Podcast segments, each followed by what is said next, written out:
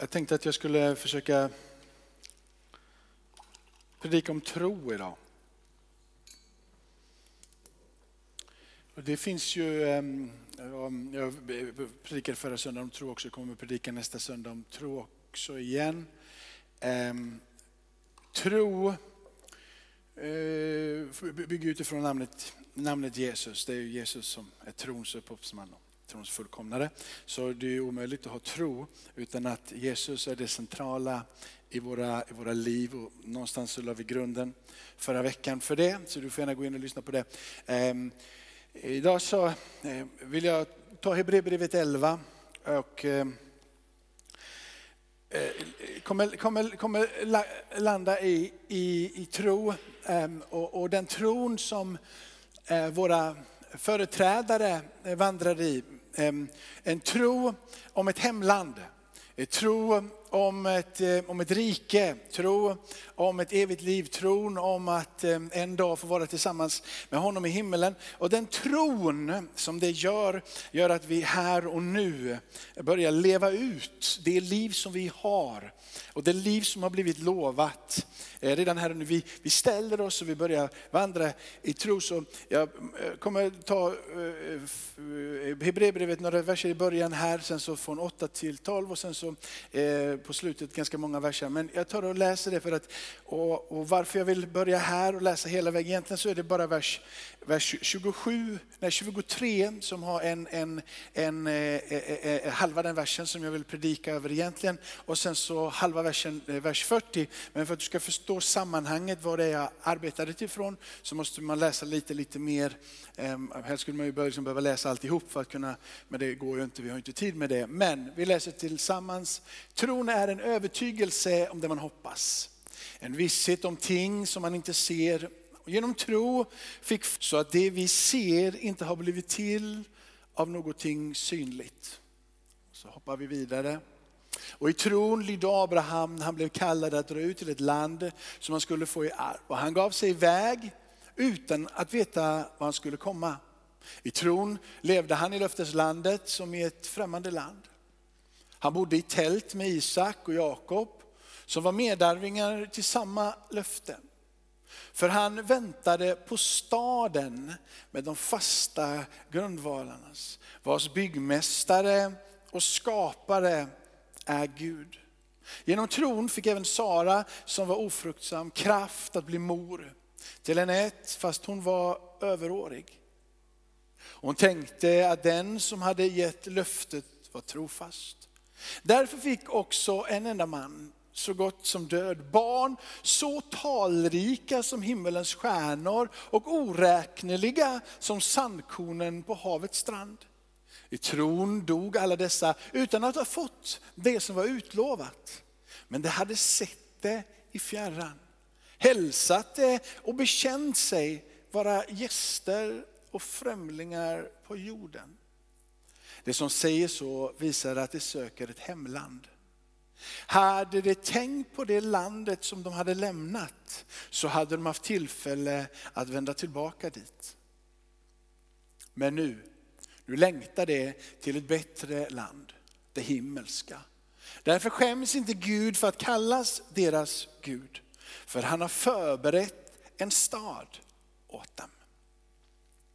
Så läser vi. I tron så hölls den nyfödde Mose gömd av sina föräldrar i tre månader. De såg att det var ett vackert barn och lät sig inte skrämmas av kungens påbud. I tron vägrade Mose vuxen att kallas faraos dotterson.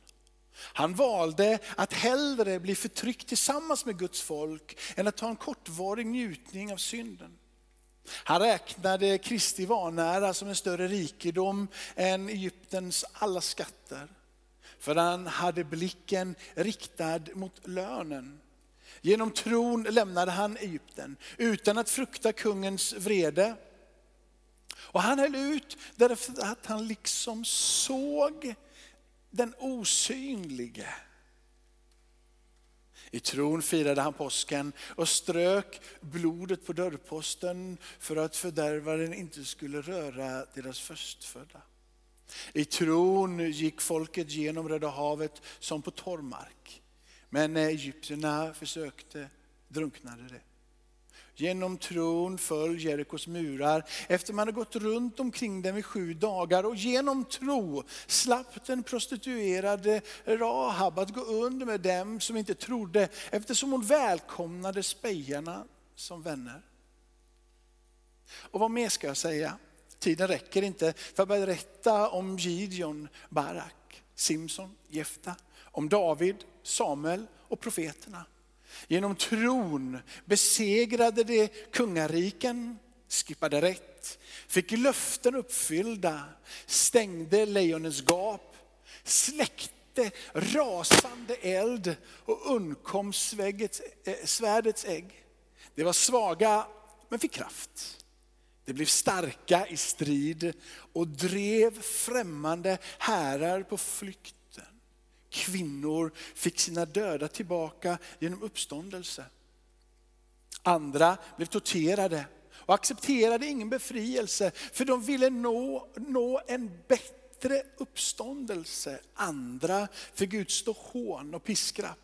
Ja, även bojor och fängelse. De blev stenade, söndersågade, dödade med svärd. De gick runt i fårskinn och gethudar, nödlidande, plågade och misshandlade. Världen var inte värdig att ta emot dem. De irrade omkring i öknar och i bergstrakter, i grottor och hålor.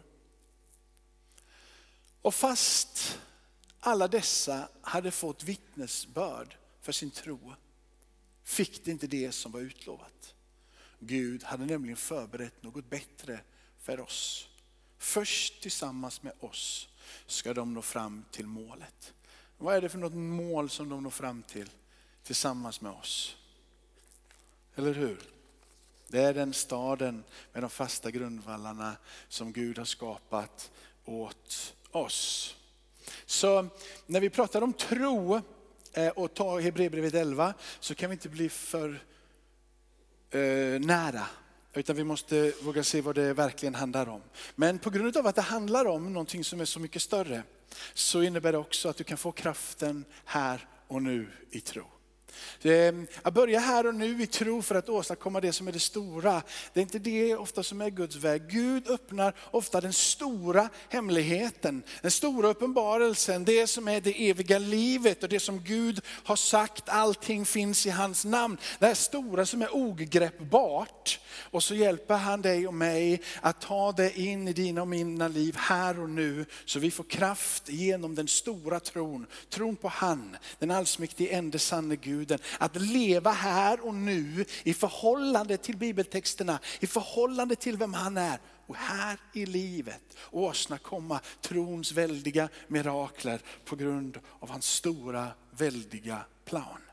När du börjar här i tro att försöka gå på vattnet så kommer du falla ihop direkt. Men om du vågar se den store guden som agerar ifrån evighet till evighet. Och på samma sätt som Abraham och alla andra troshjältar såg det som var löftet och hade tron fäst på det som var där borta. Så fick de all kraft här och nu att lita på Gud och vandra i hans gärningar.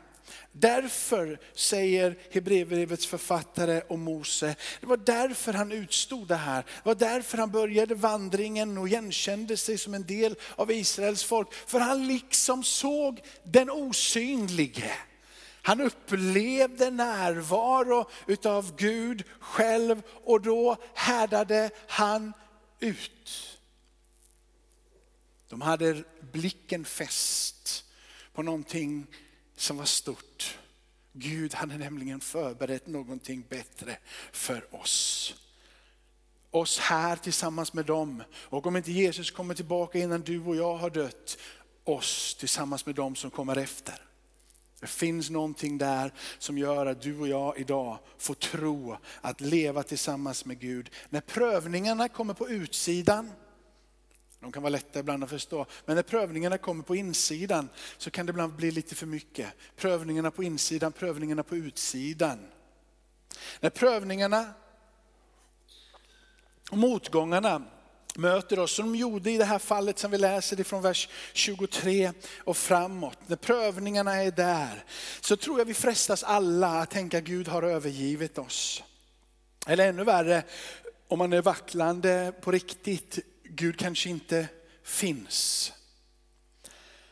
Vers 3 så är det tydligt, Gud finns. Genom tron förstår vi att världen har skapats och genom ett ord från Gud så är det som vi ser, det har inte blivit till av någonting synligt. Gud agerar. Varje människa som lider, varje människa som går igenom, om du är här och du går igenom en period av lidande, av ångest, varje person som går igenom de här börjar tänka, har Gud övergivit mig? Tankarna utav formas runt omkring svårigheten och tankarna är mer fokuserade på svårigheten än vem Gud är. Och man blir förvirrad. Men du, jag ska bara säga så här inledningsvis. Kom ihåg det här att ingenstans i Bibeln så lovar Gud att han att han säger på, något sätt att det kommer inte finnas några motgångar och det kommer inte finnas några problem. Det kommer inte finnas några svårigheter. Ingenstans så säger han detta. Det finns ingen löften i Bibeln om ständig hälsa och det finns inga löften i Bibeln om ständig framgång. Någonstans så måste du våga omfamna det för att börja våga vandra i tro på en Gud som är med dig.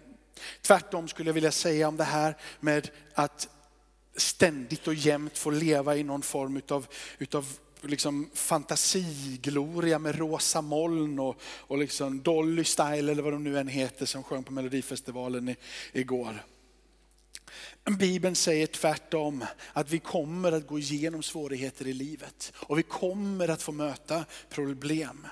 Och det är det som är det fina, det är att då är Gud med oss och Gud har lovat att vara där. Vi lever, säger Bibeln, i en fördärvad värld. Världen är i kaos. Eh, om du ska använda det med lite ord ifrån vad, vad liksom våra, våra e-, egna munnar i den här tiden, så att allting kan hända. Vem som helst kan bli president idag eller statsminister och vad som helst kan hända på marknaden och vad som helst kan hända bara vi går ut på gatan. Allt kan hända. Så är det i en förfallen värld. Men vet du vad, det betyder inte att Gud har släppt taget och det betyder inte att inte Gud är med dig. Det är två helt skilda saker saker, Att allting kan hända i världen utav kaos betyder inte och likställs inte med att Gud har släppt taget. Gud är med och Gud håller taget. Bibeln börjar i änden utav att förklara för dig och mig att Gud har fortsatt ständigt och jämt förbarmande över de som är slagna det sargade människosläktet. Människan som har vänt sig bort ifrån Gud är han på ständigt på jakt efter. Gud är en Gud som sände sin son för att frälsa världen, att söka upp det som var förlorat. På honom, det stora löftet, har han sagt att vi är räddade och vi kommer bli räddade. Han har gått före oss alla. Och han har brutit en ny mark och han har brutit en ny väg. Och han säger, jag har skapat någonting nytt en ny himmel, en ny jord. Ett rike som aldrig någonsin kommer att skaka. Gud håller fast vid sin plan. Gud tappar inte greppet. Guds rike kan öppnas här och nu idag för dig om du inte tror. Du kan bli född på nytt genom att bekänna dina synder, ödmjuka dig inför Gud och säga kom in i mitt liv. Gud gör någonting nytt. Han vill att hans rike ska öppnas för dig när du tror. För den som tror är det återkommande begreppet här. Så säger han att han har förberett någonting bättre för oss. Gud ger oss hopp och Gud ger oss kraft. Hopp när vi prövas. Livet skakar va? Du vet inte riktigt var du ska ta vägen och du känner att du inte vet. Då är han där för att lära dig och mig att förtrösta på han. Man skulle nästan kunna säga att han övar dig och mig att förlita sig på honom när det som du inte förstår händer trots att du har bett att det inte ska hända. Tron växer när du genom livet i tro, vandrar i tro, låter livet skola på något sätt, eller vad man ska säga, få forma dig så att du blir fullständigt beroende utav honom. Det är när svårigheterna är där och du känner att nu slinter jag på bananskalet hela tiden. Jag kommer liksom inte vidare. Det är en övning för att du ska igenkänna, se, förstå att du kan inte upprätta detta själv utan du måste hålla dig på honom. Han vill att du ska förstå, han övar dig i och han driver dig in i att bli fullständigt beroende av honom. Det är trons resa, det är också trons kamp. Han lovar att vara med oss. Den osynlige är där mitt i elden som vi sjöng. Och Mose såg den osynlige liksom. Han lyfter oss, inte genast bort och de som saker som retar och äggar, men han leder oss vid vår sida. Han håller sina löften och när tiden kommer, ja, när tiden är mogen och det är rätt inne, se, då är han där och han gör någonting nytt. Gud Skapa nytt. Och för att landa i den här texten igen och sen så komma tillbaka och predika lite mer här och nu. Då, då då när det händer, då, då ska vi inte längre leva i tro, utan då lever vi i åskådning. Då, då ska vi få se det med våra egna ögon som vi trodde här. Då ska det få bli förklarat fullt ut för oss, uppenbart, klart och tydligt. Då ska det bli så som Gud har sagt en ny himmel och en ny jord. Det är trons människor. Så tro är någonting som är, eh, det är både svårt, men tro är också någonting som är väldigt nära och väldigt enkelt. Tro är någonting som är både högt och någonting som är ogreppbart. Men tro är också någonting väldigt, väldigt nära och greppbart. Någonting som omfamnar dig och mig. Bibeln är fylld av människor som har fått lära sig att leva i tro. Jag tycker Hebreerbrevet är ett ganska härligt exempel på det. Det var ingen enkel resa för Mose att komma till den platsen där han fick leda folket ut. Och när han väl ledde folket ut och de vandrade i öknen var inte det heller en lätt plats. Men Gud var med och i tro så fortsatte han att vandra i det. Precis på samma sätt som då, så är det nu. Mönstret är detsamma. Gud vill att du ska lita på honom och Gud vill att du ska sätta blicken framåt. Framåt emot det han säger och röra dig in emot det han vill. Så som den osynlige var med Mose, är den osynlige med dig. Vår bibel är inte en berättelse om hjältar som visade hjältemod i alla avseenden. Det handlar inte om hjältar som aldrig tvekade.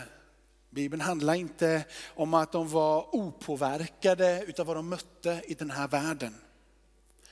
Jag skulle vilja säga precis tvärtom. Att Bibeln är fylld av berättelser om människor som hade upplevt Gud, men som i nöden och i smärtan jag har skrivit så här, i förtvivlan, men jag använder ett ord motvilligt. Människor som i smärta och nöd, i förtvivlan, motvilligt fick lära sig att förtrösta på Gud. Är det någon som känner igen sig? Ja. Motvilligt så har jag fått lära mig att förlita mig på Gud. Det var lite enkelt, motvilligt. Jag har knappt inte ens velat gå den vägen, men motvilligt så har jag tagit tag i hörntofsen på hans mantel. Motvilligt så har jag ropat hans namn mitt i den djupaste dalen. Motvilligt, jag har inte velat vara där. Nöden och smärtan har varit för stor. Det är en berättelse om människor, precis som du och jag, som lyckas på något förunderligt sätt klamra sig fast vid, hålla fast vid historiens Gud. Han som är alfa och omega, han som är början och slutet, han som är större än allting som du och jag överhuvudtaget kan förstå, greppa. De klamrar sig fast vid honom och de lär sig genom övning att landa och vandra tillsammans med honom. Därför, för dessa troshjältars skull, Och för att vi har fått lära oss att se hur Gud är med. Vi hoppas på honom. Han kommer att fullborda sitt verk. Och vi har sett och vi har tagit emot hans barmhärtighet och hans nåd. Vi har mött honom. Vet du, därför, om du är ny här och du aldrig fått uppleva det här, så tro mina ord. Du behöver inte vara rädd. När du ser din egen svaghet. Och du behöver inte vara rädd när du ser någon annans svaghet. Du behöver inte vara rädd när du ser synd i ditt eget liv eller i någon annans liv. Och du behöver inte vara rädd när du känner att du inte räcker till. Och du behöver inte vara rädd när du känner tvivel och när du känner osäkerhet. För Gud ser och Gud förstår. Varför förstår han? För att han själv har blivit människa. Han själv har vandrat här. Hebreerbrevets författare säger att han vet vad medlidande är. Han vet vad det är att vara här. Han har gått igenom det här livet precis på samma sätt som dig. Och han bjuder dig in och säger klamra dig fast vid mig, håll fast i mig. Kom ihåg, du kan vara trött och du kan eh, vara kämpande. Men jag vill bara säga till dig, du är inte förkastad. Du kan vara sjuk och du kan uppleva smärta i kroppen eller smärta i ditt hjärta. Jag vill säga dig så här, du är inte mindre älskad. Du kanske sitter här idag och är deprimerad eller har familjemedlemmar som är deprimerade eller bara rent och krasst uppgiven och säger jag struntar i det, jag skiter i det. Men det betyder inte att du har gett upp på din tro. Och det betyder inte att du har slutat vandra. Du är ju här. Och Gud har inte gett upp på dig. Tvivel, ytterst sett så är tvivel ett bevis på att du tror, eller hur? Du tvivlar för att du tror. Annars hade du aldrig tvivlat överhuvudtaget, eller hur? Och varför fortsätter du kämpa med Gud? Varför ger du inte bara upp? För att du innerst inne älskar honom. För att du innerst inne vet vem man är. Det är därför du kommer tillbaka hit även om du inte vet att du vill eller kanske inte. Och du har blivit sårad i kyrkan eller utanför kyrkan. Och du har ingen aning. Men någonstans inom dig så känner du att det är värt att fortsätta kämpa. För att någonstans i dig så älskar du fortfarande honom. Och du vet att han älskar dig. Så du fortsätter kämpa. Du klamrar dig fast vid honom. Du är en tros hjälte. Precis lika mycket som de som har gått före. Salmisten säger, ur djup än så ropar jag till dig. Underförstått, jag är plågad och jag är rädd och jag är förtvivlad jag vet inte vart jag ska ta vägen. Men jag söker min räddning hos dig. Vet du det, du får, du får och du ska kämpa med din tro och för din tro. Ibland så kämpar du för och ska med att tro. Och när du övervinner med så säger Gud att du ska kämpa för din tro. Det som du har kommit fram till är värt att leva för. Ibland så får du bara kämpa för att överleva och då är Gud där. Och när du har överlevt och kommit igenom så säger han, nu är det dags att kämpa för tron. Det är värt att stå upp för. Det är värt att ropa, han är Messias. Vet du varför? Det är för så som du lär känna vem Gud är. Det är så du förstår att han är med dig, det är så du förstår hur stor han är. Det är så du förstår hur han är. Han tål att utmanas när du kämpar med din tro. Och han tål att prövas och säga jag litar på dig när du kämpar för din tro. När du kämpar i din tro, med eller för din tro, så får du ta emot svar som är stora och höga om du ödmjukar dig och vill lära dig utav vem Gud själv är. Gör dig inga bekymmer, så säger Jesus. Och det är sant, gör dig inga bekymmer och vi ska försöka att inte göra oss bekymmer. Men jag vill bara säga så här, att världen kan du inte förändra. Jag kan inte förändra Benjamin hur mycket jag än vill förändra Benjamin, det är lönlöst. Jag kan inte förändra någonting som händer ute på Linnégatan jag kan inte förändra någonting i Sverige, jag kan inte förändra någonting i den här världen. Men jag ska säga en sak till dig, lyssna du som har öron. Du kan förändra dig själv. Och du kan förändra dig i hur du förhåller dig till vem Gud är. Och du kan förändra dig hur du förhåller dig till trons kamp med och för. Du kan förändras.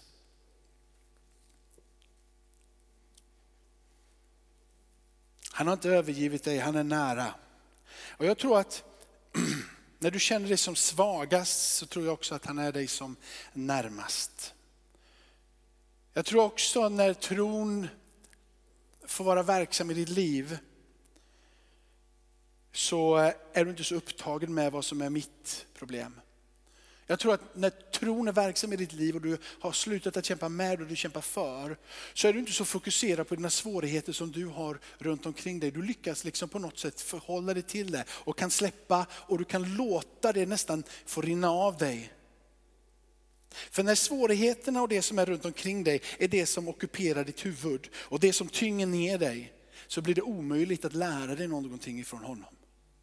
Du är inte längre fokuserad på att jag vill ta emot ifrån dig, jag vill förstå vem du är. Lär mig kampen med och för dig. Du är helt fokuserad på vad som är dina problem och att det faktiskt då skulle vara synd om dig eller synd om mig i mina svårigheter. När han säger att det är inte synd om dig och mig, kom till mig, lägg dina bekymmer på, på mig. Du kan inte förändra världen men du kan förändra dig själv och hur du förhåller dig till vem jag är. Du har en trons kamp framför dig, Gud är med dig.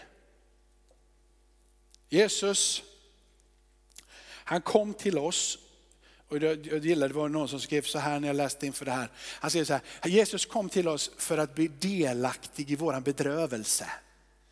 Det, det låter ju liksom, hej kom och hjälp mig. Men jag är mer van med de här orden och det var ju de som jag plockade upp då. Han kom och han levde med oss för att dela alla våra villkor. Det är lite mer Hebreerbrevet, liksom att, att man känner liksom att det, det var lättare att ta sig till. Men han blev delaktig i våra bedrövelser, i det här sketna livet. Men eh, på grund av det så har han medlidande, känner med dig, förstår dig. Gud nöjer sig inte med att sitta i himlen och peka ner på jorden och säga, gör du så här så blir det bra. Gör du så här så kommer ditt liv att funka. Om du gör så här så blir du stark, gör du så här så får du framgång, gör du så här så kommer du hitta mig. Han sände sin son Sonen kom ner hit, vandrade här på jorden. Han levde med oss, han levde för oss för att också hämta hem oss. Han delade alla våra villkor. Han delar alla våra tårar, han delar all vår smärta. Han är den som strider emot våra fiender. Han är den som bröt vägen och skapade en väg för dig och mig. Han skapade vägen i lydnadens och trons väg in i en plats tillsammans med Gud. Jesus hör dina suckar, för det är, jag tror det är det som vi gör. Vi suckar ut och vi undrar, Gud, vad är du? Gud ser oss. Han har hört dina suckar. Han har hört dina böner. Sluta kämpa med det.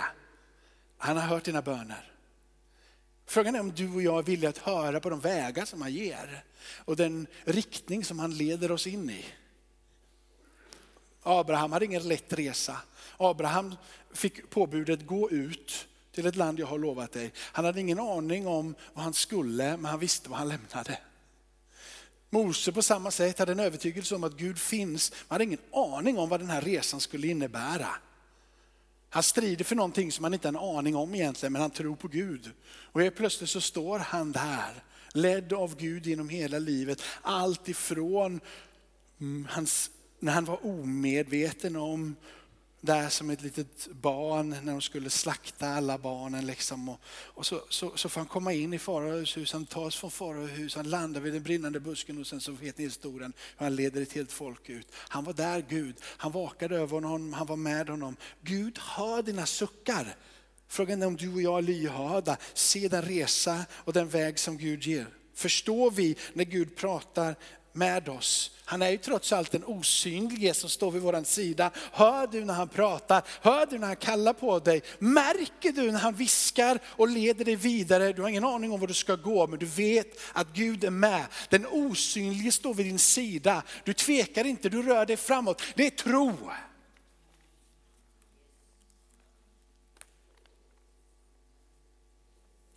Låt dig inte skrämmas av mörker. Låt dig inte skrämmas av syndens makt. När mörkret är där och syndens makt vill förvirra, så säger jag den osynlige, jag är med dig här.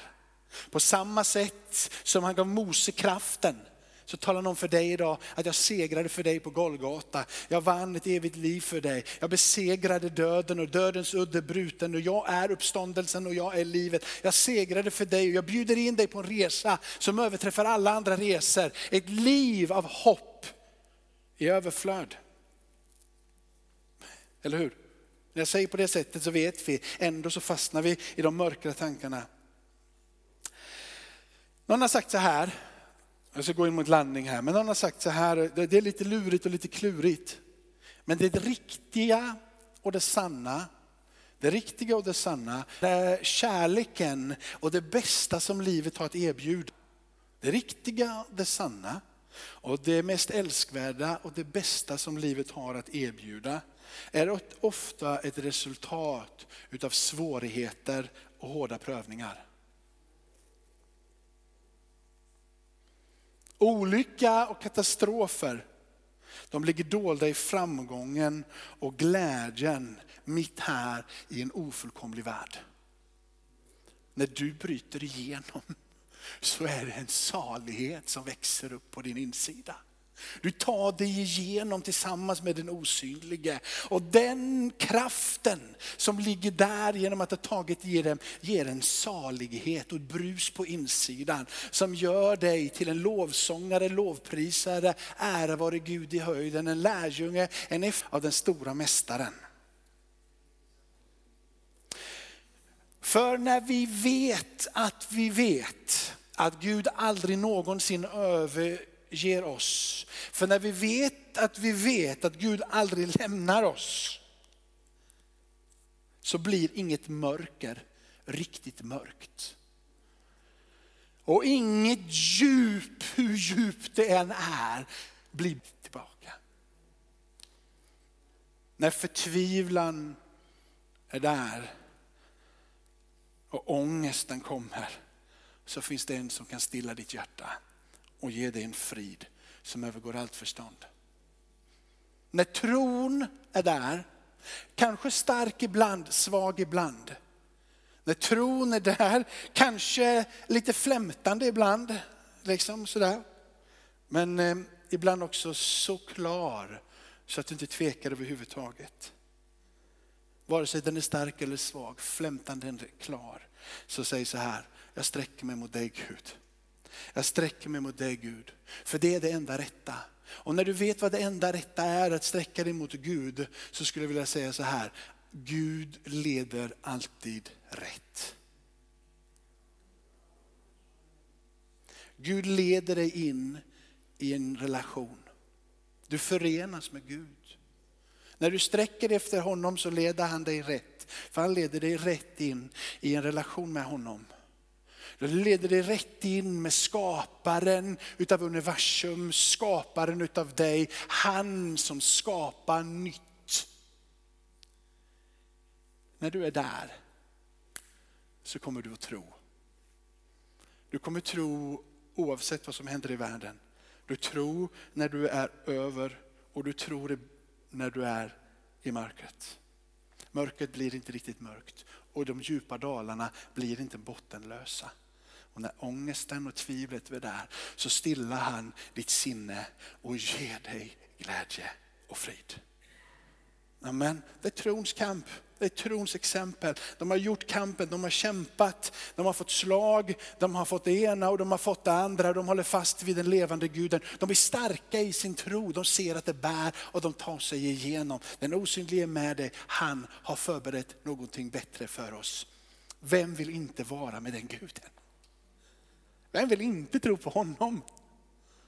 Vem vill säga så här att, jag kan säga okej, okay, jag kan förstå om det är någon som har svårt att tro. Jag kan köpa det, jag har svårt att tro. Men vem vill inte ha en sån här tro? Vem säger nej, jag, jag tycker det låter orimligt, jag vill inte ha en sån tro. Den människan måste ju vara helt kokobello. Förstår ni? Alltså, jag förstår om man har brottats med, jag kan inte tro. Jag har svårt att, det går inte. Jag, men, men jag kan respektera det. Men vem vill inte ha en sån här tro? Och är det möjligt att ha en sån här tro och du är här och du har svårt att tro Men om det är möjligt att ha en sån här tro, varför säger du inte bara jag vill tro? Varför säger du inte bara Jesus kom in i mitt liv? Om det är möjligt att ha en sån här tro så är det en sådan tro jag vill ha. Jag har svårt att tro, men jag vill tro. Hjälp min otro. Amen. Amen. Ska vi stå upp tillsammans? Jag ber Fader i himmelen att vi skulle få din tro Herre. Vi ber att vi skulle få bli inspirerade av trons hjältar Herre. Eh, mitt där i tvivel, mitt där i kampen så är det ytterst ett bevis på att du är där Herre. Vi tror på dig Herre och vi kämpar för kärleken. Så jag ber uppenbara dig själv för mina vänner här idag. Uppenbara dig för den som inte tror, uppenbara för den som har en stark tro, uppenbara dig för den som har en svag tro. Flämtande tro Herre, eller en klar tro. Uppenbara dig, visa vem du är. Kom med din ande och blås liv, kom med din ande och ge hopp. Den här stunden Herre, så vill vi, vi vill leva i tro. Vi vill komma in på trons väg, trons vandring. Vi vill ha det stora perspektivet mitt här, så vi kan ta oss igenom våran nöd och prövning. Utsidan eller insidan av prövningar, hjälp oss Gud. Jag ber på den här stunden, vi går in i förbön, vi ber för varandra, vi sjunger sånger till en ära. Så grip in, grip in, grip in, grip in, grip in Herre. Grip in, ta tag i oss. ber Herre, Herre, från djupet av mitt hjärta att det här som, som, som vi kan ändra, våra liv, vårt förhållande till dig. Hjälp oss med det Herre. Och hjälp oss att släppa det vi inte kan förändra. Ge oss modet att släppa det. Och ge oss tron att våga. Gud är med vänner. Han har aldrig gett upp och kommer aldrig ge upp. Gud är med.